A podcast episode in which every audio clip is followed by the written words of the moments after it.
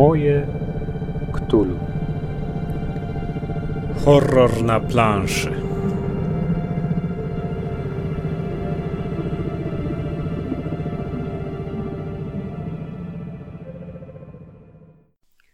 Cześć, jestem Kacper i witam Was w podcaście Moje Ktulu.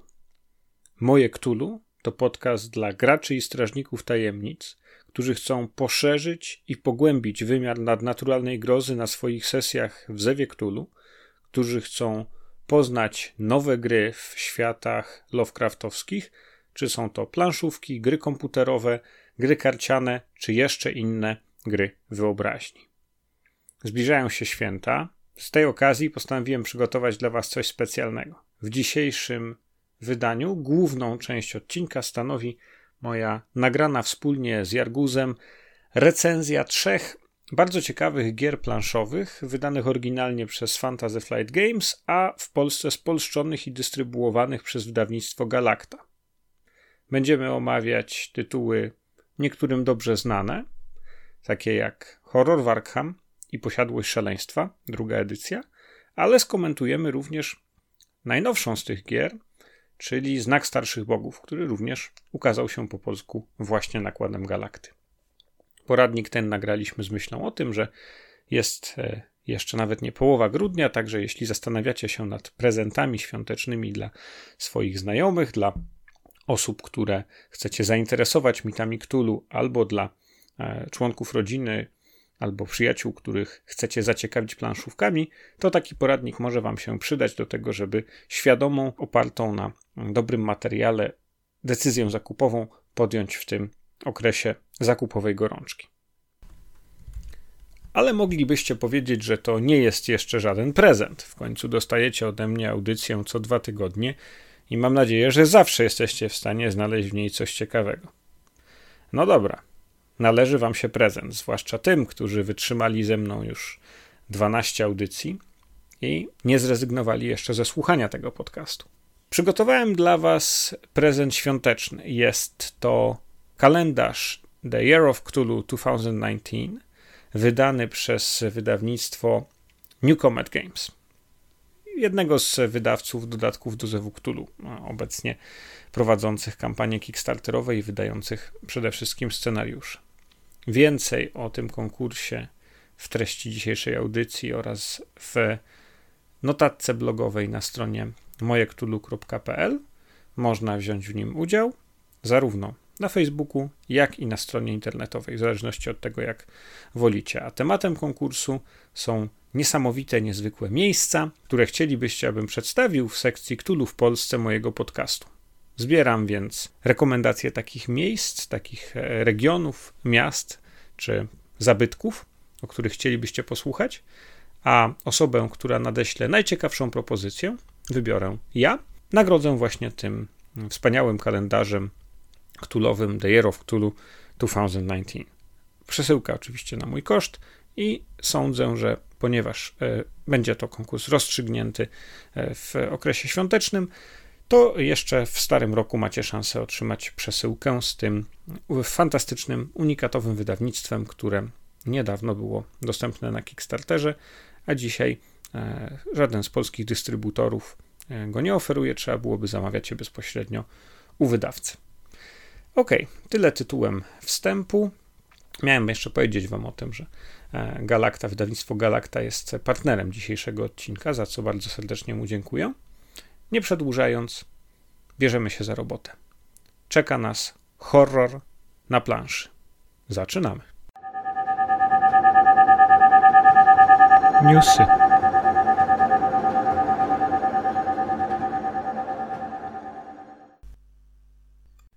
Jak zwykle przygotowałem dla Was garść ktulowych wiadomości. Black Monk po sukcesie swojej kampanii na Wspieram To, po zebraniu ponad miliona złotych na polską siódmą edycję Zewu Cthulhu, nie zwalnia tempa i zapowiada już niedługo wydanie pierwszego ktulowego podręcznika w swojej nowej serii wydawniczej. Ma to być Alone Against the Dark, samemu przeciwko ciemności, paragrafowa gra wydana oryginalnie przez Chaosium. O, zresztą jest cały cykl, cały wieloletni rozdział historii podręczników do Cthulhu, dlatego że pierwsze paragrafówki właśnie Alone in the Dark e, oraz Alone Against Darkness Wendigo to już jest historia no, ponad dwudziestoletnia, ale myślę, że to dobry pomysł, żeby właśnie od tej książki zacząć linię wydawniczą w Polsce, dlatego że ona pozwala pojedynczemu e, graczowi przeżyć na ponad 200 stronach niesamowite przygody na różnych kontynentach, czyli nawet jeżeli jeszcze nie masz swojej drużyny do Zewu Cthulhu, albo jeśli chcesz kogoś przekonać, żeby liznął trochę tego klimatu, to możesz mu taką książkę pożyczyć. Raczej się tym nie zawiedzie. Na 20 stycznia zaplanowany jest kolejny warszawski LARP Cthulhowy w Paradox Cafe Sci-Fi and Fantasy Asylum, czyli w znanej nerdowni na Muranowie.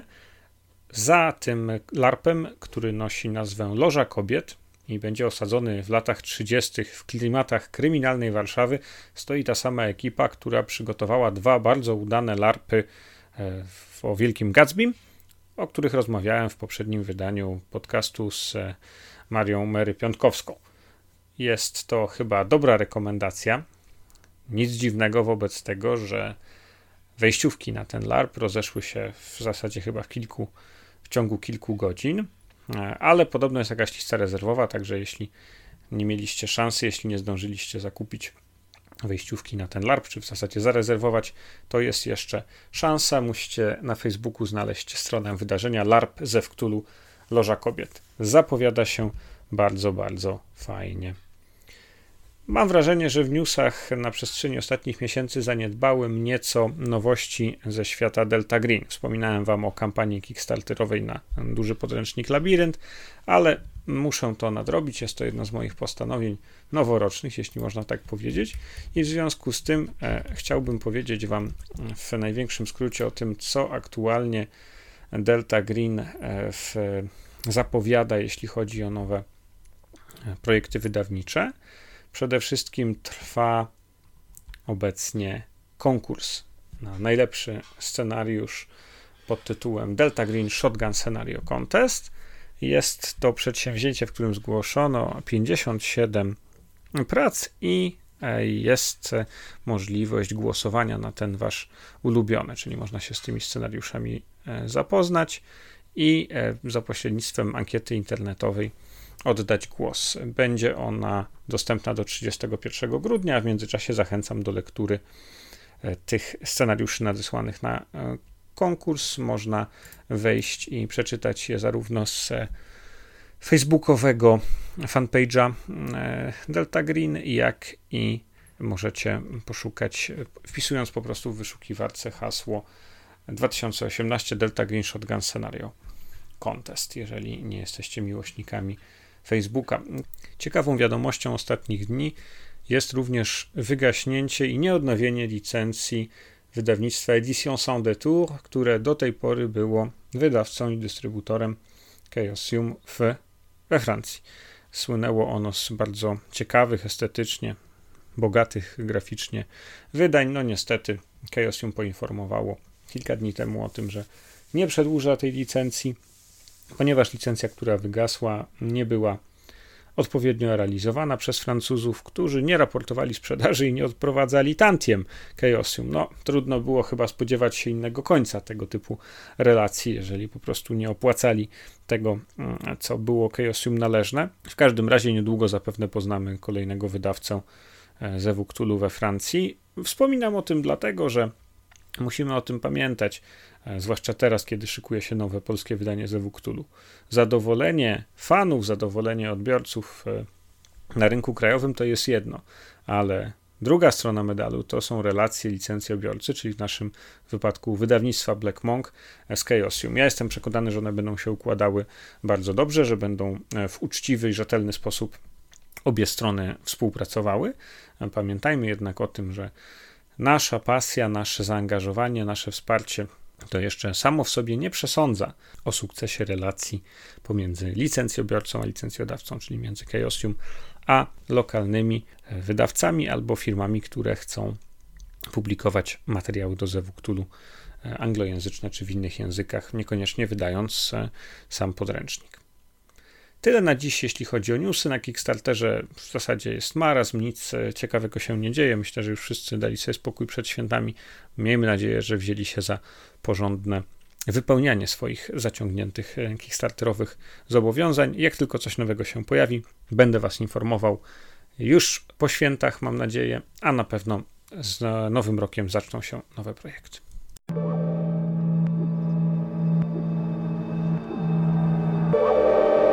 Recenzja. Do dzisiejszej audycji zaprosiłem Maćka Jarguza Jagaciaka. Możecie pamiętać go i znać jako dawnego redaktora działu Warhammera na serwisie polter.pl, a Maciek jest e, znawcą planszówek, projektantem tzw. Tak serious games, gier planszowych, zawodu analitykiem, ale również hobbystycznie scenarzystą, autorem opowiadań fantastycznych i wielkim znawcą wszystkiego, co związane z grami wyobraźni i fantastyką. Witam cię serdecznie w podcaście Moje Cthulhu. Cieszę się. Cześć. Zważywszy na naszą wieloletnią przyjaźń i współpracę, że zagościłeś na falach mojego Cthulhu. No to cała przyjemność jest po mojej stronie i bardzo się cieszę z zaproszenia. Y, przechodźmy do tematu czym prędzej, może tak. Tak, tak. Zaprosiłem Cię dlatego, że jesteś prawdziwym planszówkowym ekspertem i e, do rozmowy o grach planszowych inspirowanych światami Howarda Phillipsa Lovecrafta, a konkretnie do spojrzenia na trzy gry planszowe wydane przez Fantasy Flight Games i dystrybuowane w Polsce oraz spolszczone przez wydawnictwo Galacta, które jest partnerem tego odcinka. E, mogłem zaprosić tylko Ciebie, bo jesteś po prostu bardzo kompetentną osobą i w każdą z tych gier e, grałeś. Mhm. Ja z nimi mam dużo mniej do czynienia, chociaż każdy z nich spróbowałem do tej pory. Natomiast jestem przekonany, że we dwóch poradzimy sobie z tym, żeby doradzić kompetentnie naszym słuchaczom, którą z tych gier kupić w prezencie gwiazdkowym czy to miłośnikowi planszówek, czy to miłośnikowi nadnaturalnej grozy Lovecraftowskiej, czy po prostu osobie, którą chcemy zarazić naszym zainteresowaniem grami i naszym zainteresowaniem ktulowymi wątkami. Ale zanim przejdziemy do tego podsumowania, to rzeczywiście zacznijmy od meritum, zacznijmy od rozmowy o tych grach. Pierwsza gra, w którą graliśmy planszówkowa z tego świata. Jeśli dobrze pamiętam, parę lat temu to był Horror Warkham, jeszcze wtedy mm -hmm. w mhm. angielskim wydaniu. Fajna gra, kooperacyjna. Dla mnie to była wtedy zupełna nowość. To była pierwsza gra kooperacyjna, w którą grałem. Wiem, że ty nad nią spędziłeś wiele, wiele godzin. Mm -hmm, tak, dokładnie. No, rozegrałem niejedną partię w horror, y, głównie ze swoją obecną żoną. Co mogę powiedzieć na temat y, horroru? Przede wszystkim to, że sama ta gra pozwala od razu wejść w świat Lovecrafta bardzo głęboko. Jest ona mocno narracyjna. Tam czuje się strukturę opowieści, która jest snuta od samego początku wręcz. Co robimy, kim jesteśmy? Grupa badaczy trafia do niesławnego Arkham. Każdy z nich jest y, inną, inną ma charakterystykę, inną przeszłość. Mamy do czynienia z bibliotekarką, z policjantem, z prywatnym detektywem, całe mm, takie, cała feria różnorakich postaci. No i Ci bohaterowie mają za zadanie po prostu uporać się z niebezpieczeństwami, które zagrażają miastu miejscach różnych, no, charakterystycznych dla, dla Arkham otwierają się bramy do innych światów i stamtąd wychodzą potwory rodem z mitów Cthulhu. Gracze chodzą po różnych lokacjach, zbierając wskazówki. I... Gaszą pożary. Tak, gaszą pożary częściowo, a z drugiej strony no, muszą jednak posuwać do przodu też swoją agendę, której celem jest zniszczenie i zwalczenie Wielkiego Przedwiecznego. Mm, Arkham Horror, Horror, był jedną z pierwszych gier, która e, wydawanych przez Fantasy Flight Games, która w ogóle osadzona była w świecie mitologii Cthulhu. Fantasy Flight Games e, od dłuższego czasu już posiada to posiadało to IP w swoim portfolio. Później oczywiście e, mitologia stała się powszechnie dostępna, więc e, tych gier różnorakich, czy karcianych, czy planszowych, czy jakichś storytellingowych, no, pojawiło się bardzo, bardzo dużo. Natomiast oni pierwsi e, tak szerzej, przynajmniej w Polsce, wypłynęli na radary z, z tą planszówką i Arkham Horror był właśnie takim e, głównym, e, powiedziałbym, kamieniem węgielnym, który, na którym było to wszystko budowane. A dlaczego kamieniem węgielnym? Ponieważ do Arkham Horror powstała cała biblioteka, biblioteka ilustracji na potrzeby, y, cała, oprawa graficzna na potrzeby stworzenia tej gry. I wiele, wiele z tych ilustracji jest wykorzystywanych też w późniejszych wydaniach. Przez to cały ten wydawniczy świat związany z mitami Lovecrafta w obrębie Fantasy Flight Games jest utrzymany w jednolitej szacie graficznej. Tam nie ma jakiś odstęp, wszystko jest y, no, na, oczywiście na bardzo, bardzo wysokim poziomie. Zresztą mm, do tego stopnia spodobały mi się te ilustracje, że nabyłem y, album z y, artami właśnie z tej gry. Jest to coś pięknego. Pamiętam, że jak zobaczyłeś to u mnie krzyknąłeś światło pod korcem trzymasz i za, ja za, zaskoczony. Ten album znowu widziałem e, teraz już wydany do gry Posiadłość Szaleństwa mhm. na półce w e, sklepie hobbystycznym, do którego czasem razem zaglądamy, e, albo każdy z nas z osobna. E, I przyznam, że nie skusił mnie, dlatego że to jednak już jest za bardzo game related. Tamta mhm. pozycja, którą widziałem u ciebie, ten wspaniały album, można powiedzieć, że zupełnie w oderwaniu od horroru. Arkham stanowi niesamowitą atrakcję. Nie skupia się też na postaciach, na tych bohaterach, tylko na istotach panteonu mitów, na tych wszystkich e, wątkach właśnie Lovecraftowskich, które sprawiają, że jest to rzeczywiście pozycja bardzo, bardzo interesująca. No ale mm. tutaj poruszyłeś ważną mm. sprawę, jeśli chodzi o horror Arkham i w ogóle o te wszystkie gry. Dla mnie ważnym wyznacznikiem, i to się też wiąże z pewnym wspomnieniem z tamtej pierwszej rozgrywki w For of Arkham, jest to, jak bardzo w toku rozgrywki jesteś w stanie śledzić te, ten tak zwany flavor, czyli wszystkie rzeczy fabularne z różnymi cytatami, z różnymi krótkimi tekstami, które mają sprawiać, że gra nie jest tylko sekwencją, takim algorytmem czynności losowo-decyzyjnych, wybierz X, rzuć 2KD, e, e, przesuń się o N, tylko mhm. rzeczywiście jakoś w wyobraźni to się rozgrywa. I powiem Ci szczerze, że dla mnie horror w Arkham na tym polu był niezadowalający. To znaczy rozgrywka była na tyle mhm. skomplikowana, zwłaszcza z udziałem wielu graczy, mhm. że nawet czekając na swoją turę, ponieważ to gra kooperacyjna, trzeba było śledzić, co się dzieje mechanicznie i na zgłębianie, czy przyswajanie, czy przeżywanie tego całego E, wątku tej całej płaszczyzny fabularnej mhm. było bardzo mało czasu, aż w końcu ona się totalnie marginalizowała i była to taka mechaniczna trochę trochę przepychanka. I to I fakt. Może przesadzam. Nie, nie, nie przesadzasz. Ja się z Tobą zgodzę i dwa punkty mam do Twojej wypowiedzi. Pierwszy jest taki, że nie można tutaj nie wspomnieć o tym, że to wydanie Arkham Horror, w które graliśmy, to była druga edycja tej gry.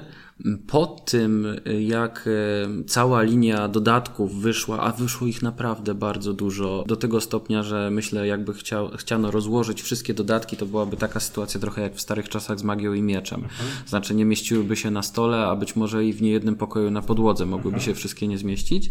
E, już nie mówiąc o tym, ile trwałaby rozgrywka e, na wszystkich tych planszach. Dobra. Natomiast to może kwestia poboczna. Chodzi o to, że po, po, po tym, jak ta druga edycja dojrzała, już była, no powiedzmy, mniej sprzedawalna niż u zarania, wypuszczono odświeżoną wersję, która nazywa się The Eldritch Horror. Tam rozgrywka została wygładzona, Dzieje się to wszystko o wiele szybciej, choć nadal gra jest skomplikowana. Ja jestem bardzo dobrze zaznajomiony z Eldritch Horror, grałem w to nieraz, gra jest bardzo trudna, ma wysoki poziom trudności, faktycznie trudno jest zaliczać te kolejne misje. Też już wyszło do niej bardzo dużo dodatków i tak jak z horrorem w Arkham, ona również troszeczkę już wygasa, już jest zatrzymywana ta linia i rusza horror w Arkham trzecia edycja. Gra wygląda zupełnie już inaczej, nie mamy jednej planszy, tylko plansze buduje się za każdym razem z takich pięciokątów chyba, które łączą i każdy z nich symbolizuje jedną z dzielnic. One się łączą później ulicami, tworzą, tworzą miasto, rozgrywka tam się dzieje. E, chciałem tylko właśnie nadmienić o tym, że, że po prostu ta, ta, ta rozgrywka mechanicznie była, poz, została pozbawiona tych elementów, które nie dodawały za nadto przyjemności z gry, były tylko takim wydłużaniem e, czasu, dodatkowymi mechanikami, które nie stanowiły o atrakcyjności tytułu. Natomiast to, o czym, o czym powiedziałeś właśnie, flaw, flaw w tych grach. Horror w Arkham Eldritch Horror, już zdecydowanie Eldritch Horror. Nie wiem jak trzecia edycja horrorów Arkham. I inne, te, inne tytuły, z którymi będziemy mieli dzisiaj do czynienia, raczej ciążą w kierunku, no nie do końca też e, lubianego przez ciebie e, Pulp Cthulhu. Mhm. Eldritch Horror już w zupełności. Można byłoby powiedzieć z jednej strony, że to tak jak w maskach Nyarlathotepa. Jeździ się po całym świecie i w różnych miejscach bada tajemnice związane z mitami, ale tutaj jest to raczej w stylu Indiana Jonesa. Łącznie z tym, że patrzymy na wielką mapę świata i prawie oczyma wyobraźni można widzieć te kreseczki za y, animowanym samolocikiem, gdy przemieszczamy się z jednego miejsca y, świata na, w drugi zakątek. Podstawowym problemem, z jakim spotykają się gracze w y, tych grach, to jest jednak, on, zawsze są dwa elementy. Jeden to są jakieś mm, powiedzmy dochodzenia czy mm, przygody, zagadki dziejące się na danym terenie. I tutaj następuje to poprzez dociągnięcie karty. Tak jest w horrorze Warkam, tak jest w, Arkham, e, w Eldritch Horror. Poprzez dociągnięcie karty, gdzie jest napisany tekst, mniej lub bardziej klimatyczny. W horrorze Warkam było to nie najgorsze, ale zaraz potem następuje jakaś seria testów, w zależności od wyniku dzieją się różne rzeczy, a zaraz potem następuje atak potworów. I mimo, że te przygody są bardzo klimatyczne, w Eldritch Horror są już naprawdę na bardzo wysokim poziomie, łącznie z tym, że nie są one po prostu jednym zadaniem na test, który ma wynik pozytywny i negatywny, ale nawet są rozbite te drzewka na, na, na trzy pola decyzyjne, tak jednak ciężar rozgrywki w walkach jest przeniesiony tam, jest tam położony w walce. To trwa dłużej, więcej się tam rzuca, więcej się po prostu czasu poświęca, więc faktycznie można mieć takie odczucie, o którym mówisz, że no tutaj rzucam, muszę rzucić trzy szóstki, o wypadły, nie wypadły, zapomina się o tej całej otoczce mm, fabularnej, która w tych grach jest, nie da się tego ukryć, no ale po prostu gdzieś tam raczej ta, ta, ta, to kostkowanie, to turlanie spycha je tą otoczkę fabularną no tak. gdzieś głębiej. A i tutaj zaraz jak będziemy mówić o posiadłości mhm. szaleństwa, to będziemy mówić o tym, jak ten problem został rozwiązany. Mhm. Swego rodzaju rozwiązanie akurat zaproponowano. Ale żeby jeszcze podsumować e, horror Valkham. E, co Ci się wydaje największą zaletą i najsilniejszą stroną tej gry? Czy to jest właśnie ta gigantyczna linia wydawnicza, która sprawia, że można w zasadzie bez końca rozwijać i rozwijać E, ten e, e, świat i rozwijać fabularnie kolejne rozgrywki, dodając też nowe elementy, nowe potwory, nowe przedmioty, nowe miejsca, nowe mhm. wątki, czy y, on ma jakąś swoją inną zaletę, silną stronę, która sprawiła koniec końców, że jest to bardzo, bardzo popularna gra i bardzo dobrze znana. Trudno udzielić na takie tak postawione pytanie jednoznacznej odpowiedzi, Kasprze, bo y, trzeba pamiętać, że kiedy ta gra wychodziła, to nie było innego tytułu w świecie Cthulhu, więc chcąc y, pobawić się ze znajomymi jeszcze w grach, w jako w typie rozgrywki kooperacyjnej, które też wtedy nie były aż tak popularne, kiedy wychodziło e, Arkham Horror. To był w zasadzie jeden z takich sztandarowych przykładów kooperacyjnej rozgrywki. To, to w zasadzie było to. I to była główna zaleta tej, tej gry. Natomiast w tej chwili, kiedy po pierwsze gier związanych z mitami jest bardzo dużo, jest zatrzęsienie, jest to tematyka, dorównuje jej tylko być może tematyka zombie, wszelkie tego typu wariacje na temat. I też we wszystkich e, smakach. Tak, i w oczywiście. smaku Munchkin Cthulhu mm -hmm. i w mhm. smaku e, tak, storytellingowym, różnego rodzaju takich storytellingowych gier planszowych. Jest w ogóle, to, to w ogóle jest problem związany z planszówkami taki, e, co dobrze zresztą oddaje ten nastawienie do problemu hasło promocyjne, czy też motto, którym posługują się Portal Games że to są, oni tworzą gry, które opowiadają historię, games that tell stories. E, bardzo ważne jest y, w grze planszowej, żeby ten cały flaw tak zwany, ten cały temat nie był po prostu nakładką naklejoną na jakieś mechanizmy matematyczno-losowe, tylko żeby z mechanik rozgrywki wynikała sama ta historia, bo wtedy czujesz, że w tej grze jednocześnie realizując jakąś strategię na wygraną, po prostu rozwijasz też historię i to wtedy jest super. I, i w tym pomagają też wszystkie te plastyczne elementy, mm. bo jeśli na przykład cofniemy się do Cluedo, mm -hmm. czy do Cluedo, do tej bardzo starej gry sprzed, nie wiem, 60 lat, mm -hmm. która jest w pewnym sensie pierwowzorem e, wielu z tych gier, o których dzisiaj mówimy, e, no to tam można powiedzieć mechanika jest w zasadzie obrażająca intelekt. Tam się w tej grze nic nie dzieje. Znaczy tam w ogóle e, to jest czysto mechaniczne chodzenie i odhaczanie e, jakby kolejnych kombinacji rzeczy. A z drugiej strony jej ogromna popularność wynikała z tego, że jest to śledztwo w domu, są figurki tych postaci, one są wyraziście zarysowane, są te rekwizyty e, odlewane i nic dziwnego, że ludzie chcą w to grać. No i tak samo jest tutaj. Żeby ta warstwa fabularna była napędzana, no to dysponujemy całym tym Oczywiście. ogromem, który tutaj mamy zresztą na stole rozstawiony, jak e, rozmawiamy sobie. Tak. Tutaj niedokończoną partię Mansions of Madness, przed chwilą znak starszych bogów. Powiem Ci nawet, że Kludu y, miało tak dużą popularność, że powstał na jego podstawie film nie wiem, czy go widziałeś, czy nie. E, polecam wszystkim. Jest całkiem fajnym kawałkiem komedii do obejrzenia i na pewno ciekawostką dla wszystkich e, fanów planszówek. Wracając do pytania o horror Warkam, bo jeszcze mamy przed sobą dwa tytuły. Co w tej chwili y, będzie taką główną cechą, którą, dla której warto będzie sięgnąć? No po pierwsze dlatego to, że rusza nowa linia wydawnicza. I ta trzecia edycja jest y, jeszcze bardziej odświeżona, jeszcze prostsza, troszeczkę zmieniono styl rozgrywki. Myślę, że na dobre, bo widać było w, przynajmniej w różnicy, którą widziałem między horrorem, drugą edycją, a Eldritch Horrorem, no nie bała ziemia. Mam te same doświadczenie w, w graniu, tę samą przyjemność, tę samą satysfakcję, ale wszystko idzie dwa razy łatwiej. Czyli jest wyższa miodność. Tak, wyższa miodność tą, tą y, kategorią secret serwisową możemy pojechać, tak jest. Natomiast co jeszcze jest fajną zaletą y, horroru Warkam? To, że mimo nie, nie jest ona widoczna na pierwszy rzut oka. Niech nie odstrasza nikogo to, że tam są grube instrukcje, dosyć, relatywnie, że to nie jest instrukcja na czterech kartkach, bo ta gra u podstaw swoich jest naprawdę bardzo prosta.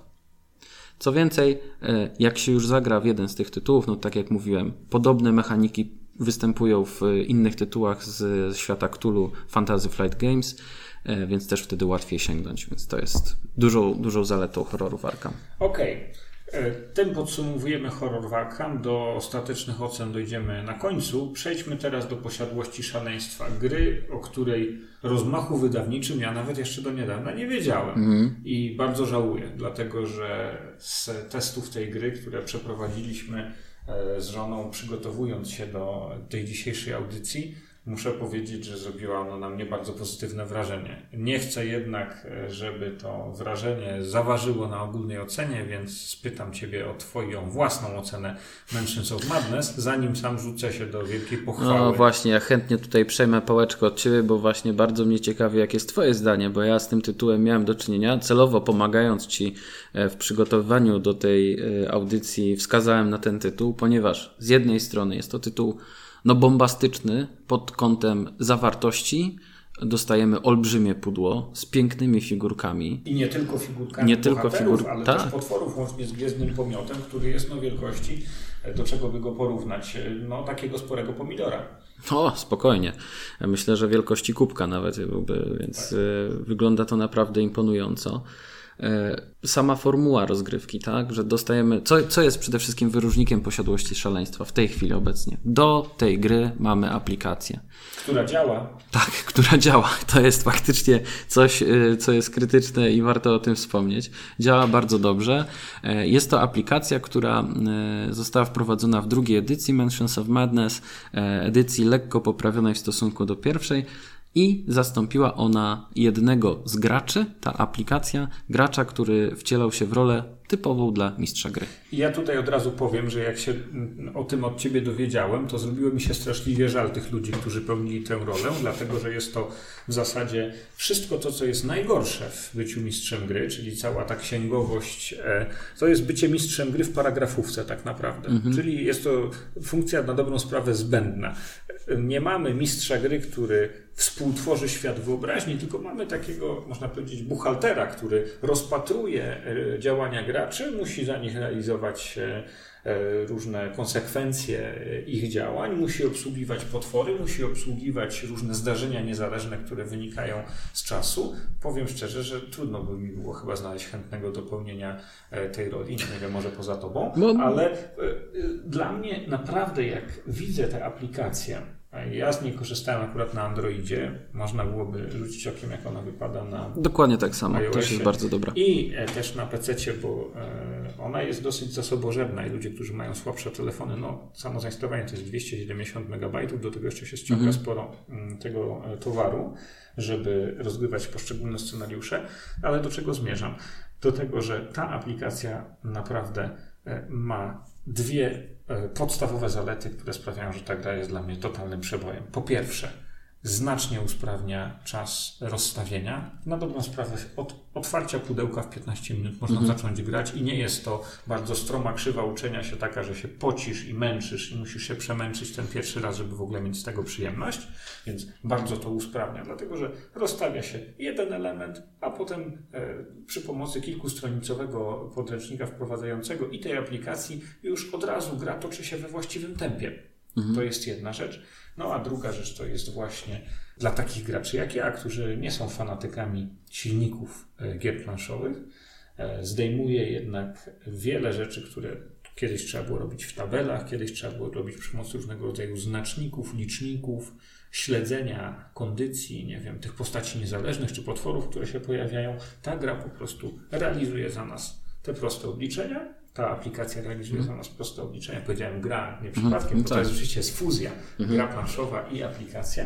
E, Robi, robi to za nas, no i nie musi tego robić żaden z graczy, co jest e, ważne w grze kooperacyjnej, bo wszyscy mamy dążyć do tego samego celu, wszyscy mamy się tak do, samo dobrze bawić. Jeżeli Tak. wygramy, wszyscy mamy z tego frajdę, jeśli przegramy, no to wszyscy również mamy z tego innego rodzaju zabawę. Ja nie jestem, y, powiem Ci szczerze, że nie jestem pewien y, tak do końca, czy faktycznie było tak, że jeden gracz był tym mistrzem gry. Może to była jakaś odpowiedzialność rozłożona na pozostałych graczy, no ale na pewno utrudniało to znacząco rozgrywkę. A co jest y, dalej fascynującego w posiadłości szaleństwa? E, sam klimat. Tak. To, że wchodzimy do starej wiktoriańskiej willi, e, którą powoli eksplorujemy pokój za pokojem, napotykając na różne tajemnice, ślady, wskazówki. Napotykamy tam też na różne nieprzyjazne nam istoty. E, niewątpliwie utrzymuje się klimat, wspomagany zresztą przez chociażby taki detal jak świetna ambientowa muzyka, To która prawda. jest dodana do aplikacji. Tak. I to jest naprawdę świetne, bo pozwala faktycznie w posiadłości szaleństwa z tych gier, o których dzisiaj mówimy, ale też z tych gier, mm, z którymi miałem do czynienia w ogóle pla- planszówek związanymi z, mitami Cthulhu, no tutaj ten klimat faktycznie urasta do poziomu najwyższego. Jest najwyższym y, zdecydowanie, bije na głowę wszystkie inne gry. To, co mnie y, zastanawia w kontekście posiadłości szaleństwa, jest jednocześnie wadą i zaletą tego tytułu. Bo kiedy spróbowałem grać w posiadłość szaleństwa, to pomyślałem sobie tak, no fajna gra, fajna, naprawdę fajna, ładnie wykonana. Ta aplikacja prowadzi nas za rękę, jest bardzo y, świetna, świetne to też w tej aplikacji, że oczywiście, że, że za każdym razem te potwory zachowują się nieco inaczej. Oczywiście normalnie mielibyśmy pewnie jakąś talię ich zachowań i po prostu ciągnęli, ale tutaj z racji tego, że tej talii nie widzimy, wydaje się, że faktycznie te istoty zachowują się dziwnie. Są nieprzewidywalne. Są nieprzewidywalne. Zresztą, e, no jak tutaj obserwowałem, jak grałeś e, z małżonką, to, to widziałem właśnie, jak istota z głębim najpierw opluła cię jakimś czarnym, czarnym śluzem, twoją postać, nie ciebie oczywiście. jakieś skorupiaki. Tak, które chciały cię, cię dorwać, więc to, to, to jest coś niesamowitego, a nie po prostu, no potwór cię atakuje, rzuć kostkami, o, zadał ci trzy obrażenia, tak? Tak. Tutaj jednak ten, ten flaw jest na pierwszym miejscu, ale kiedy zetknąłem się z tym wszystkim, rozegraliśmy sobie pierwszy scenariusz, wyszedł on fajnie, interesująco, zwłaszcza jeżeli chodzi o rozwiązania fabularne, które się tam wydarzyły i które mechanika wsparła, to też jest wa- ważna i duża zaleta tego tytułu. Pomyślałem sobie, kurczę, ale jeżeli tyle czasu mam poświęcić na tę grę i zainwestować w sumie sporo pieniędzy, bo nie jest to tani tytuł, to może lepiej byłoby kupić podręcznik do Cthulhu i, i rozegrać sesję. No i tutaj jest ten temat, o którym powiedziałeś ty, że no tutaj mistrz gry musi się przygotować e, i poświęcić zdecydowanie więcej czasu na przygotowanie się. Z drugiej zaś strony to może być wada, ale może być też zaleta, bo posiadłość szaleństwa czuję jest świetnym e, Wprowadzeniem. wprowadzeniem do, do mm, RPG-ów. Tak, tak, Tutaj naprawdę niewiele trzeba, żeby przejść do RPG. Wystarczy, że wszyscy gracze zaczną się wczuwać w postaci, które i tak zawsze mają opisaną historię gdzieś swoją. Zaczną toczyć rozmowy, będąc w roli, tak? I już mamy tak naprawdę RPG. Tak, tak, tak. RPG rzeczywiście takiego e, o pionowym starcie, bez e, Mhm. inwestycji ze strony Strażnika Tajemnic w wypadku Izewu Cthulhu. E, Miałem jedną obawę jednak, kiedy Tak? uruchamiałem tę aplikację i ona dotyczyła tak zwanej replay value. Mhm. Dlatego, że w tej grze ewidentnie dysponujemy pewną zamkniętą liczbą scenariuszy. Oczywiście możemy rozszerzać ją, dokupując kolejne dodatki, e, no ale nie zmienia to faktu, że na dobrą sprawę, no ile razy można dany scenariusz rozegrać, one będą się troszkę między sobą różnić, ale już znamy rozkład tego domu, więc e, tej niespodzianki nie będzie, czyli e, ponowne rozegranie tego samego scenariusza, bardzo niski replay value, całościowy replay value gry, wysoki, dlatego że każdy scenariusz jest inny, no ale Zależy jak na to popatrzymy. E, Z jednej strony jest to rozgrywka na parę dobrych godzin dla grupy przyjaciół, powiedzmy czterech osób. No i starcza to nam na kilkanaście godzin dobrej rozgrywki dla czterech osób. Przyrównajmy to do wyjścia do kina. Wiem, że to jest taki standardowy, wyświechtany argument, którego się używa w stosunku do RPGów czy gier planszowych, ale mimo wszystko nie jest to ym, aż tak wygórowana cena za tyle rozgrywki, zresztą bardzo intensywnej i naprawdę wykonanej świetnie. To jest, to jest jeden z lepszych poziomów, jeżeli chodzi o, o stronę wizualną, jeżeli chodzi o wykonanie elementów. Po drugie, e, no to już może być trochę e, argument e, zwichrowany w moją stronę. Nawiążę tutaj do tytułu, który też wyszedł już po polsku. Time Stories. Gra planszowa, która jest połączeniem trochę jakby paragrafówki z no, zwykłym, zwykłą taką grą planszową. Może ma coś wspólnego z RPG-iem. Trudno jest opisać ten gatunek, bo jest on naprawdę unikalny. Jest tam scenariusz też, który dotyczy mitów Cthulhu, więc y, pod audycję podpada. Tam, rozgrywając jeden scenariusz do końca, kończysz w ogóle jakąkolwiek replayability. A kupujesz pudełko podstawowe z jednym scenariuszem, tylko. Po czym kupujesz kolejny scenariusz, grasz go i koniec. Nie możesz nic z nim zrobić, bo znasz wszystkie zagadki mniej więcej. No to tutaj nie ma tak- co robić. tak nie tu jest. tego aż tak nie ma. A jednak flaw, który płynął, doświadczenie, przyjemność, która płynęła dla mnie i dla moich y, znajomych, z którymi w to graliśmy. Z Time Stories była taka, że ja bez problemu oddawałem pieniądze dystrybutorowi i z uśmiechem na ustach mówiłem shut up and take my, take my money i czekałem tylko na kolejne scenariusze. No proszę, a ja poszedłem w inną stronę i przypomniałem sobie rozmowę z Arturem Schindlerem e, w jego warszawskim sklepie, kiedy rozmawialiśmy o jego grze Labirynt Śmierci, która również no, nie jest wsparta aplikacją jeszcze. Może fanatycy kryształów czasu nas zaskoczą i napiszą aplikację, nie wiem, w Turbo Pascalu albo w ogóle na Fortrany e, w, do wsparcia Labiryntu Śmierci, która ma, zawiera 20 scenariuszy. Jest to planszówka normalna, pudełkowa, zawiera 20 scenariuszy i w zasadzie po rozegraniu tych 20 scenariuszy nie za bardzo jest co robić, ale to, że tamta gra nie ma aplikacji, jest jej słabą stroną, która staje się w tym momencie zaletą. Dlatego, że jeżeli komuś naprawdę zależy, jeżeli ktoś się wkręcił w ten labirynt śmierci, to napisze kolejne dla swoich Tak, znajomych. oczywiście, A że tutaj, tak. No, e, skok, którego trzeba byłoby dokonać, żeby Mhm. napisać już papierze albo, nie wiem, w postaci e, prostego programu, bo to są tak naprawdę bramki logiczne. Tak. To nie jest jakaś wysoki poziom programowania. Można byłoby napisać Mhm. kolejne scenariusze do posiadłości szaleństwa mm, na własną rękę. W ogóle co my rozważamy, nie? Już takie naprawdę... Mhm. Już scenariusz napiszemy, Tak. nie? No, no, no i, ale tutaj nie, nie musisz poświęcać tyle czasu jak do Zewu Cthulhu, nie? Tak, do tak, do tak. RPGa. Więc em, tam jednak e, ta aplikacja nie jest e, ograniczeniem. Rozumiem oczywiście cały wymiar komercyjny Mhm. tego i nie mam pod tym względem żadnych zarzutów, dlatego że gra po prostu daje coś, co sprawia, że e, jest to warte tych pieniędzy. Ale mm, no, wciąż ten wątek scenariusze, możliwość rozegrania po raz kolejny tutaj się pojawia. Wiesz, jest jeszcze e, jedna kwestia, o której chyba trzeba powiedzieć. E, Samo replayability value. Wydaje się, że jak gra nie ma ograniczenia do jednego scenariusza, to jej repla- replayability value jest w zasadzie nieskończone. Mogę w kółko grać w Osadników z Katanu, mogę w kółko grać w Monopol, bo, bo na tym ta gra polega i nie ma żadnego scenariusza, który realizujemy. Ale mówimy o grze kooperacyjnej. Ona się troszeczkę różni, nie ma w nim niej elementu rywalizacji między graczami, Tak. więc nie optymalizuję strategii na osobę, z którą gram, a Tak. ta osoba może się zmieniać, mogę grać z różnymi ludźmi, tylko zawsze gram przeciwko mechanizmowi gry. Tak. I po 8, 10, 15 rozgrywkach znasz ten mechanizm gry już na tyle I dobrze, że jesteś w stanie go zoptymalizować, więc tak naprawdę każdy koop ma ograniczone replayability value i dopiero dodatki mogą to zmienić. E, Z twoją żoną, jak jeszcze razem mieszkaliśmy w nasz warszawskim Żoliborzu, graliśmy nieraz y, z w innego koopa pod tytułem Ghost Stories, znanego e, z tego, że jest grą no, cholernie trudną. I na podstawowym poziomie, po 10-15 rozgrywkach, byliśmy w stanie rozkładać to praktycznie za każdą grą.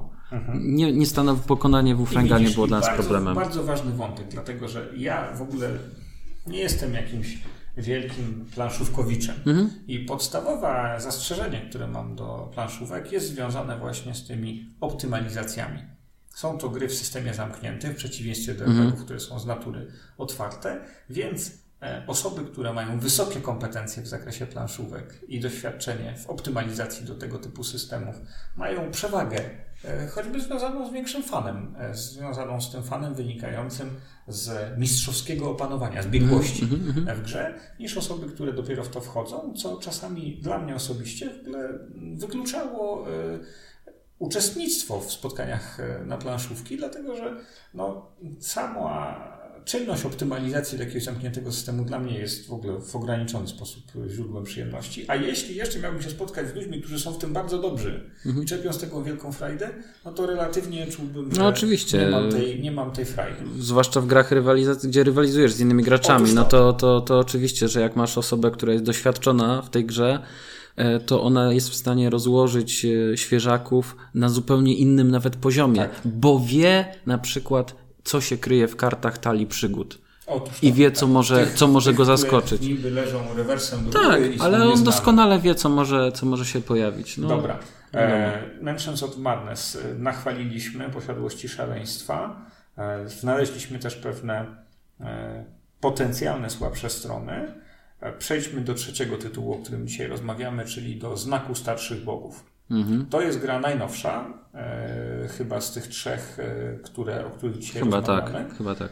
I e, no, jest znowu inna, dlatego że nie mamy tutaj aplikacji. Mamy tutaj element losowy związany z e, zestawem kości. Kości oczywiście występują e, we wszystkich tych trzech grach, bo w każdej z nich musi występować element losowy, żeby testy nie były zdawane automatycznie, żebyśmy mieli jednak niewielką dozę szczyptę niepewności i, i emocje związane z tym, czy test się uda, czy nie. Natomiast w znaku starszych bogów jest to główny element, po, ponieważ ta gra jest takim ujęciem, próbą przeniesienia tych y, światów Cthulhu na nieco lżejszą formę rozrywki, rozgrywki, polegającą na znanej i lubianej w sumie przez szerokie grono graczy mm, koncepcie dice chuckera czy też dice rollera. Tak? Rzucamy kośćmi i staramy się y, uzyskać odpowiednie pule wyników, Tak. w ten sposób realizując jakieś y, zadania czy misje. No, była taka gra wiele, wiele lat temu. Pierwsza taka gra, z którą ja się spotkałem, nazywała się, jeśli dobrze pamiętam, Chaos Progenitus. I to była gra, mm, e, w której się tworzyło przy pomocy kości, zachowując te kości. E, oczywiście ona też miała taki element kolekcjonerski tam. No właśnie, bo tam można było kupować te kości, tak. dokupić, ale chodziło o to, żeby w momencie konfrontacji, pojedynku między dwoma potworami stworzyć potwora, który ma tam odpowiednią liczbę Mm. skrzydeł, paszcz, ogonów i innych. E, No i wiele gier kościanych opiera się właśnie na tej pokerowej mechanice.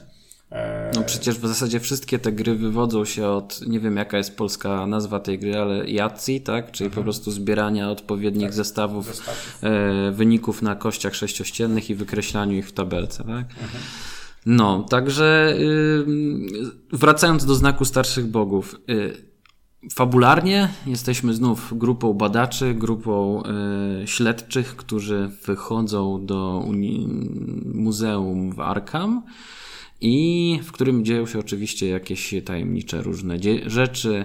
E, wyłażą potwory z publicznej toalety, gdzieś jest śluzem napisana wskazówka, za chwilę otworzy się brama do Orlijech i tam będziemy e, stamtąd również mogło, że nas coś zaatakować, więc trzeba temu e, niebezpieczeństwu podołać. A mm, oczywiście za wszystkim stoi jak zwykle e, wielki przedwieczny, jeden z panteonu wylosowany i trzeba doprowadzić do odesłania go do jego wymiaru za Albo pomocą. inne bóstwo. Albo inne bóstwo, tak, za pomocą y, kompletu znaków starszych bogów. Gra jest y, bardzo prosta, rozgrywa się, rozgrywka toczy się płynnie i szybko. Zresztą y, ile czasu zajęło mi wytłumaczenie wam zasad? 5 minut. minut. No, błyskawicznie poszło. E, po chwili już wszyscy byli obeznani z podstawowymi mechanikami. Można byłoby płynnie grać, gdyby tylko czas pozwolił na dokończenie tej rozgrywki. Cóż mogę powiedzieć? Gra mimo swojej prostoty jest y, bardzo wciągająca, jest szybka, jest na pewno bardzo łatwa do, do e, rozłożenia i do rozpoczęcia. Ale jest w tym, w tym zbieraniu tych, y, tych, tych, w tych kościach, w rzutach, w zbieraniu tych y, kompletów, wyników, y, coś dziwnie przyjemnego i satysfakcjonującego. Ja bym dodał jeszcze jedną zaletę. Ze względu na to, że ta mechanika jest lekka, zwłaszcza w porównaniu na mm. przykład z e, horrorem w Arkham, o którym mówiliśmy na początku, wydaje mi się, że tu jest większa szansa na jakieś zagłębienie się troszkę w ten e, fluff, fluff. i e, przeżycie czegoś związanego z tymi flavorowymi fragmentami Myślisz? kart. Tak, takie e, odbieram wrażenie, dlatego że mm, po prostu to, że ta mechanika jest łatwa, z jednej strony, jednych może zachęcić po prostu do tego, żeby łupać tak mhm. bezrefleksyjnie czysto, no tak. ale z drugiej strony to też e, nie absorbuje tak bardzo intelektualnie, to żeby prawda. nie było czasu na przyjrzenie się, zastanowienie, przeczytanie, co tam się mhm. dzieje. Jest to po prostu mało absorbująca gra mechanicznie, z korzyścią być może dla opowieści, którą się buduje. To fakt, aczkolwiek muszę zaznaczyć, że spośród tych wszystkich trzech gier, jeżeli chodzi o te flafowe opisy na kartach, to tutaj jest ich najmniej zdecydowanie. Mhm. Dostajemy Necronomicon jako specjalny przedmiot, czy, czy, czy lampę Alhazreda, i nie mamy opisu, co, co, co, co to jest za artefakt. Tak? Mhm. Dla kogoś, kto jest zupełnym laikiem, mogłyby być to równie nie wiem, proszek Mambo Jumbo czy coś takiego tak i byłoby to dokładnie to samo. Kaczor Donald i byłoby to dokładnie to samo. E, jest za to klimatyczny opis na każdej z lokacji, czy też misji, na które musimy się wybrać. I jest on faktycznie tak samo jak potwory są opisane króciutkim tekstem. One są na bardzo fajnym, wysokim poziomie, pozwalają się przenieść w ten świat. Ale czy faktycznie byłoby łatwiej skupić się na flafie, czy też nie? Czy to jednak trzaskanie kośćmi non-stop bardziej będzie przysłaniało oczy? No to już chyba jest już bardziej cecha indywidualna. Niemniej e, Gra jest super. Jest yy, lekka, łatwa i przyjemna, a jednocześnie jest w klimatach Cthulhu i, i, też gra się w nią bardzo dobrze. Warto wspomnieć, że jest też ona dostępna w formie aplikacji. Można w nią sobie zagrać na komórce. I sprawdzić, czy nam się podoba. Sprawdzić, czy nam się podoba. No i też yy, jest, ma jedną yy, dodatkową jeszcze ważną zaletę. Można w nią grać od jednej można grać samemu, ale też do 8 osób, w 8 osób to bardzo szerokie grono i ta gra się świetnie skaluje. Nie ma żadnego problemu w tym, żeby grać w większą liczbę osób, co jest niestety w wypadku no, różnych tytułów, w większości w zasadzie. No, choćby tych dwóch, które wymieniliśmy w tej audycji, horroru Arkham tak. i e, Posiadłości Szaleństwa, tam im więcej graczy, mhm. tym jednak e, większa jest ta czysta złożoność i, tak. powtarzalność tych tur, mhm. e, w których gracze rozpatrują swoje działania. E, wspomniałeś o możliwości gry w pojedynkę. Mhm. Ona również występuje w Posiadłości Szaleństwa i wydaje mi się być całkiem fajna dlatego że możesz rzeczywiście rozstawić to sobie. Grasz z aplikacją, więc to też nie są takie szachy samym z sobą, mm. które no, są szczególnym rodzajem rozgrywki. Tak, tak. W horrorze Arkham chyba niemożliwe jest rozgrywanie. Nie, samego. tak samo można było można? grać. Tak, oczywiście, nie ma problemu.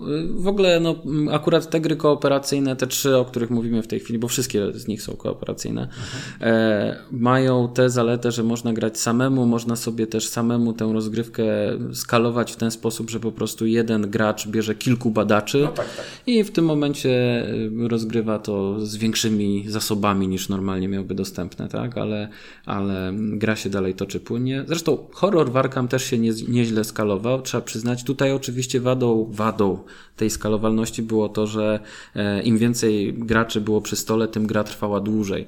W znaku starszych bogów jednak ten mechanizm upływu czasu, ponieważ tam powiedzmy co cztery rundy graczy i niezależnie jakich graczy, coś się wydarzy, jesteśmy bliżej zagłady. Więc ym, ten mechanizm działa niezależnie od liczby graczy w innych tytułach. Jednak cała runda jest, y, składa się z y, kolejki każdego z uczestników zabawy, więc y, musi to trwać niestety odpowiednio dłużej. I to jest główny problem. Okej, no tośmy nachwalili się tych trzech gier. Mm, Teraz musimy to prawda. przejść do trudnego zadania, ułożenia ich w jakiejś kolejności, od góry do dołu. I proponuję, żebyśmy najpierw zrobili to przez pryzmat różnych odbiorców tych gier, komu można byłoby taki prezent sprawić, poza tym, poza tym, że po prostu sobie można byłoby taką grę kupić na święta, czy na urodziny, czy na jakąkolwiek inną okazję. E, Którą z tych gier poleciłbyś, gdybyśmy mieli kupić ją znajomemu, który jest wytrawnym planszówkowiczem, ale z e, twórczością Fantasy Flightów osadzoną w światach Cthulhu jeszcze nie miał do czynienia? Nie wiem, czy to jest możliwe, żeby być wytrawnym planszówkowiczem i nie być e, zaznajomionym z Lovecraftowym e, mm, światem mitów w wydaniu Fantasy Flight Games, bo jest to naprawdę szeroka linia wydawnicza.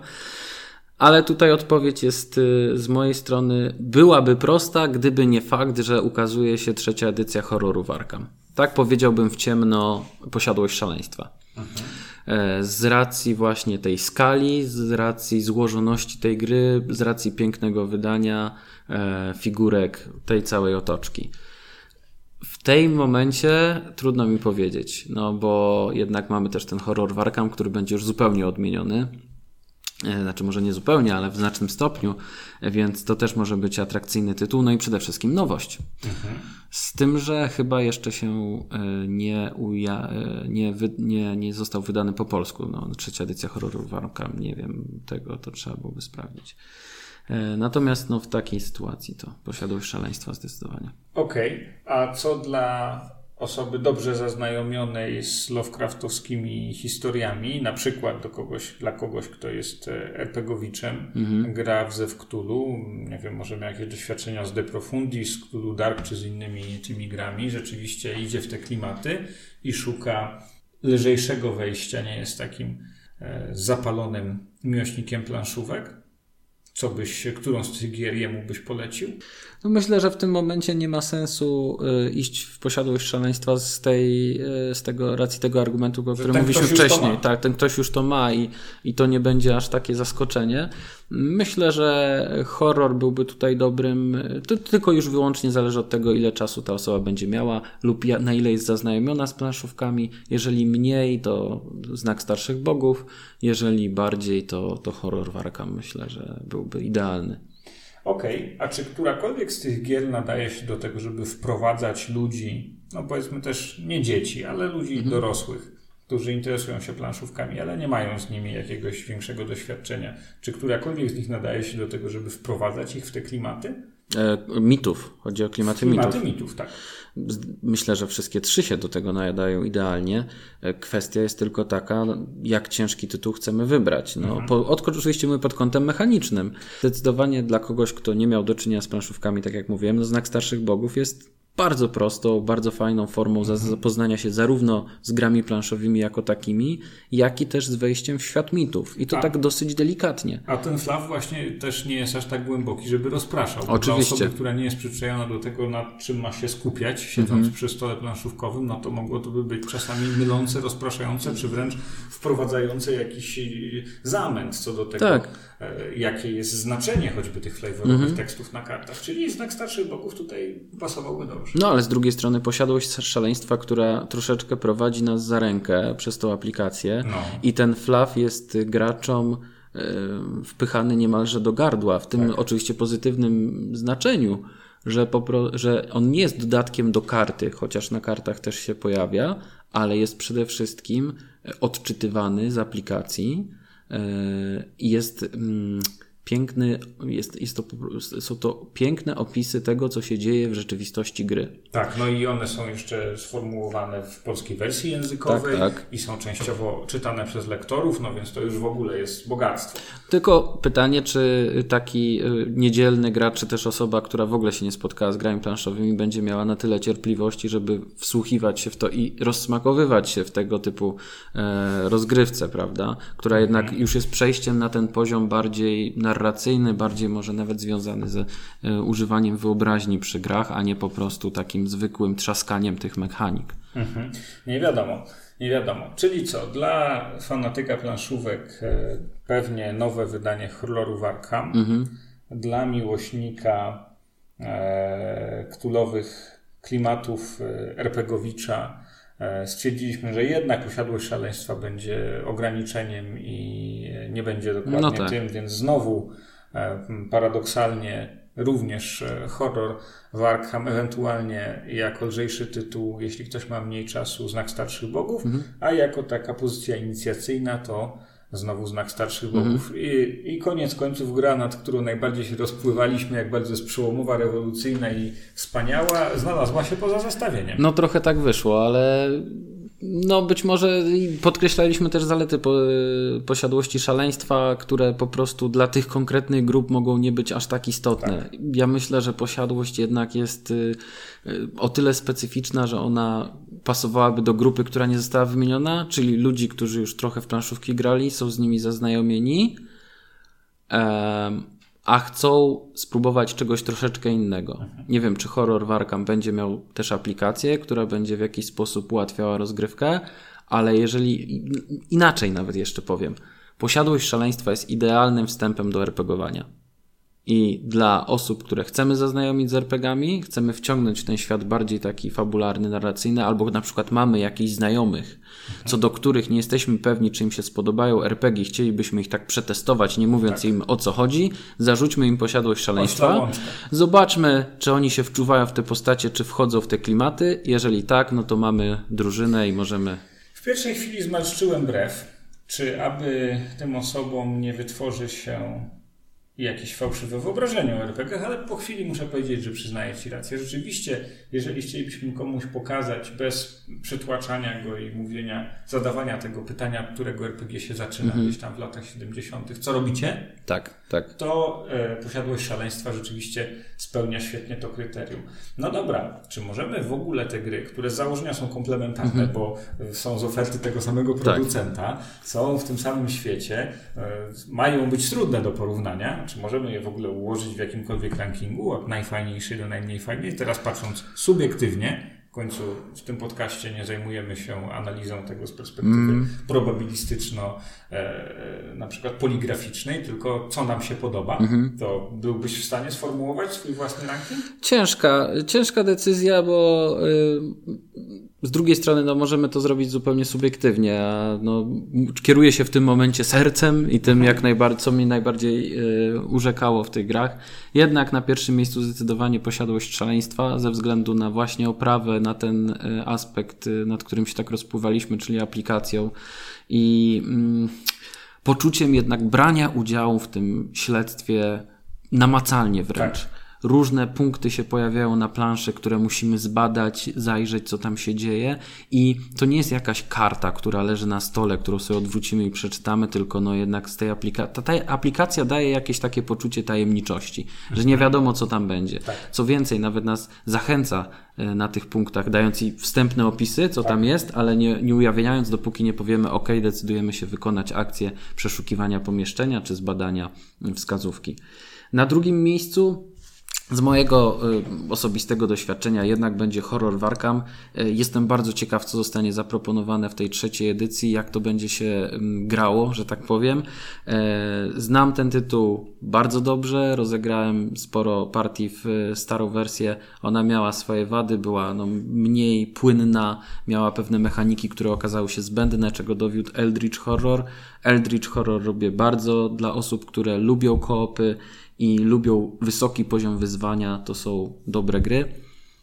Na trzecim, no niestety, będzie e, znak starszych bogów w tym rankingu. E, mimo, że ta gra jest bardzo satysfakcjonująca i fajna, to jak na mnie jest troszeczkę e, za lekka, no to, to rzucanie kośćmi to jednak nie jest może to, co mi się akurat najbardziej podoba w planszówkach, więc tak by wyglądał mój ranking. Mój będzie podobny, bo też oczywiście zacznie się od posiadłości szaleństwa. E, natomiast e, moje wspomnienia związane z horrorem Warkham e, sprawiają, że jednak tam ta krzywa uczenia jest bardziej stroma i dla takiego gracza jak ja, który zasadniczo jest niecierpliwy we wszystkim mm. w życiu, to potrzeba nauczenia się tego i opanowania, biorąc pod uwagę jeszcze niepewność co do tego, kiedy znowu w tę grę zagram, mm sprawia, że na drugim miejscu znajdzie się ten znak starszych bogów, mhm. również jako fajna nowość. Mhm. E, jako e, gra, która ma te wszystkie cechy, o których e, powiedzieliśmy i jest no, inna niż pozostałe bogier, których, czy kooperacyjnych, czy konkurencyjnych, w których musimy odwiedzać miejsca i wykonywać tam czynności, rozpatrywać jakieś akcje.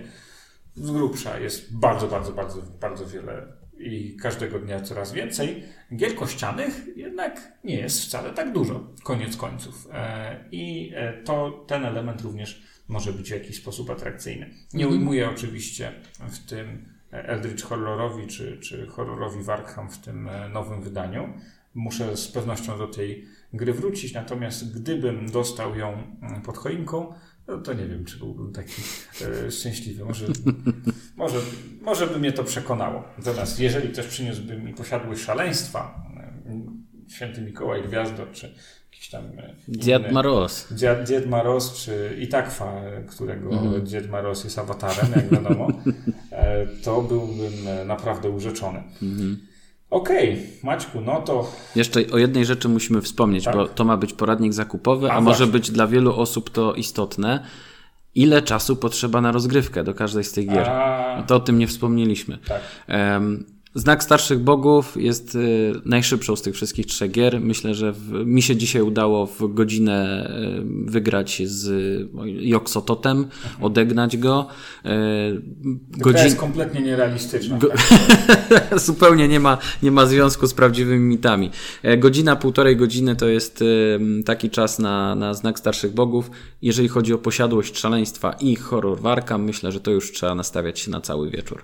Mhm. To jest rozgrywka tak. na cały wieczór także mniej więcej tyle to trwa. Zupełnie się z Tobą zgadzam.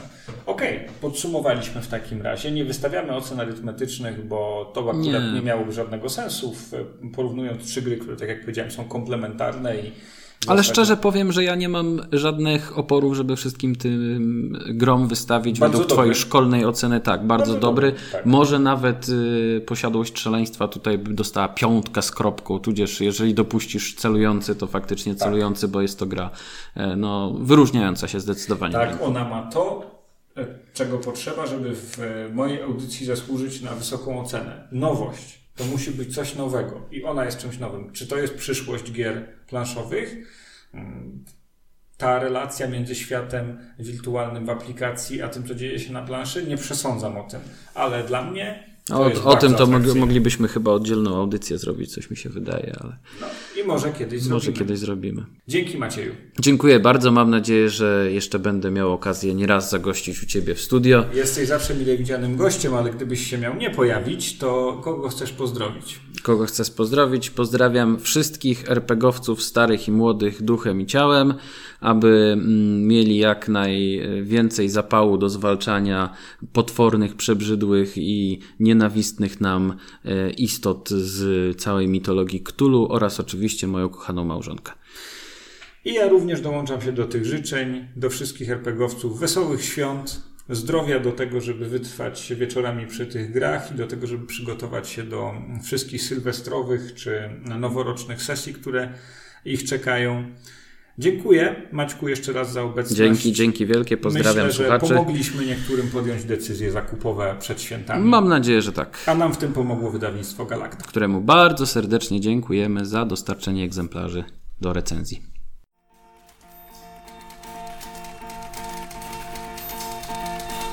Biblioteka.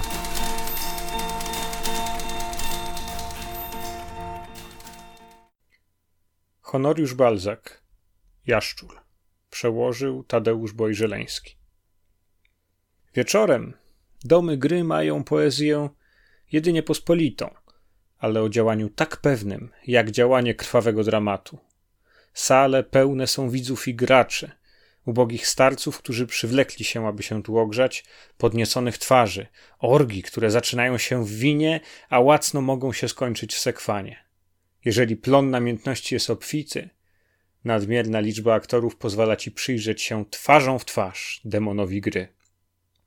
Taki wieczór jest istnym ansamblowym utworem, gdzie cała trupa krzyczy, gdzie każdy instrument w orkiestrze wyciąga swoją frazę.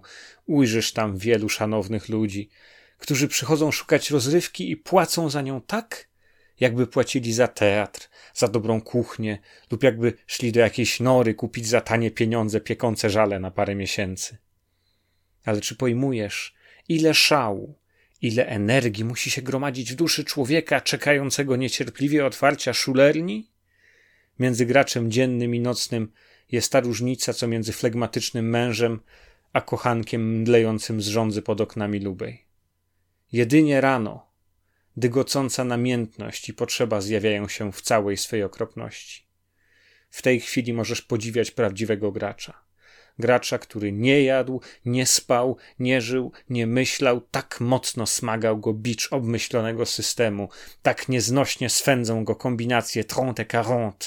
O tej przeklętej godzinie spotykasz oczy, których spokój przeraża, twarze, które cię przykuwają, spojrzenia, które przyciągają karty i pożerają je.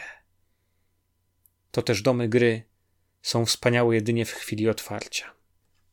Jeżeli Hiszpania ma swoje walki byków, jeżeli Rzym miał swoich gladiatorów, Paryż pyszni się swoim Palais Royal, którego drażniące rulety dają przyjemność oglądania krwi płynącej strumieniami, bez niebezpieczeństwa pośliźnięcia się o nią na podłodze. Spróbuj rzucić przelotne spojrzenia na tę arenę. Wejdź! Cóż za nagość! Ściany obite papierem zatłuszczonym na wysokość człowieka nie przedstawiają ani jednego obrazu zdolnego orzeźwić duszę. Nie ma tam nawet gwoździa dla ułatwienia samobójstwa. Podłoga zużyta i niechlujna, podłużny stół zajmuje środek sali. Proste słomiane krzesła cisnące się dookoła tego sukna wytartego złotem świadczą o szczególnej obojętności na zbytek u tych ludzi, którzy przychodzą tu ginąć dla majątku i dla zbytku. Ta sprzeczność ludzka ujawnia się wszędzie, gdzie dusza żyje potężnie własnymi zasobami. Kochanek chce spowić swoją lubą w jedwabie, oblec ją w najmiększe tkaniny wschodu, a najczęściej posiada ją na jakimś tapczanie. Ambitny marzy o bezgranicznej władzy, płaszcząc się w błocie służalstwa. Kupiec wegetuje w głębi wilgotnego i niezdrowego sklepu, wznosząc wspaniały pałac, skąd syna jego, przedwczesnego spadkobiercę, wypędzi braterska subhasta. Wreszcie, czy istnieje coś wstrętniejszego niż przybytek rozkoszy? Osobliwy problem. Wciąż w sprzeczności z samym sobą, oszukując swoje nadzieje obecną niedolą, a swoje niedole przyszłością, która do nie należy, człowiek daje wszystkim swoim uczynkom piętno niekonsekwencji i słabości. Na tym padole pełne jest tylko nieszczęście. I to już wszystko w dzisiejszym wydaniu podcastu Moje Ktulu. Dziękuję Wam bardzo serdecznie za uwagę. Zachęcam do subskrybowania mojego podcastu na platformie, na której lubicie słuchać tych e, audycji, czy będzie to iTunes, czy Google Podcast, czy będzie to SoundCloud, czy wolicie po prostu pobierać je jako MP3 z mojej strony. Wtedy możecie skorzystać z feedu RSS, który tam się znajduje, tak żeby nie przeoczyć następnej audycji. Przypominam, że Wielki Ktulu zostawił dla Was prezent pod choinką w Relay, a akurat prądy morskie przyniosły ten prezent do mojej leśnej rezydencji. Jest to wspaniały, specjalnie dla Was, przygotowany przeze mnie ilustrowany przez Jewgenija Małoszenkowa kalendarz ścienny The Year of Cthulhu 2019, wydany przez wydawnictwo New Comet Games. Egzemplarz tego kalendarza otrzymałem w ramach kampanii Kickstarterowej, tak go kupiłem, bo zamówiłem Dwa. Jeden właśnie specjalnie z myślą o Was. Ten kalendarz obejmuje 13 pięknych, oryginalnych, kolorowych ilustracji, które świetnie wprowadzą Was w klimat Lovecraftowskiej grozy i przygód. Ozdobią Wasze mieszkania, przydadzą się do zaplanowania następnej sesji. Możecie po nich pisać, rysować, naklejać na nie na pewno niejedno pamiętne zdarzenie, niejedna sesja, niejedno spotkanie, niejeden event albo konwent zostanie tam przez Was na przestrzeni roku wpisany. Zwycięzca konkursu dostanie ten prezent pocztą na mój koszt. I mam nadzieję, że jeszcze w starym roku. Co trzeba zrobić, aby wygrać ten kalendarz? To bardzo proste.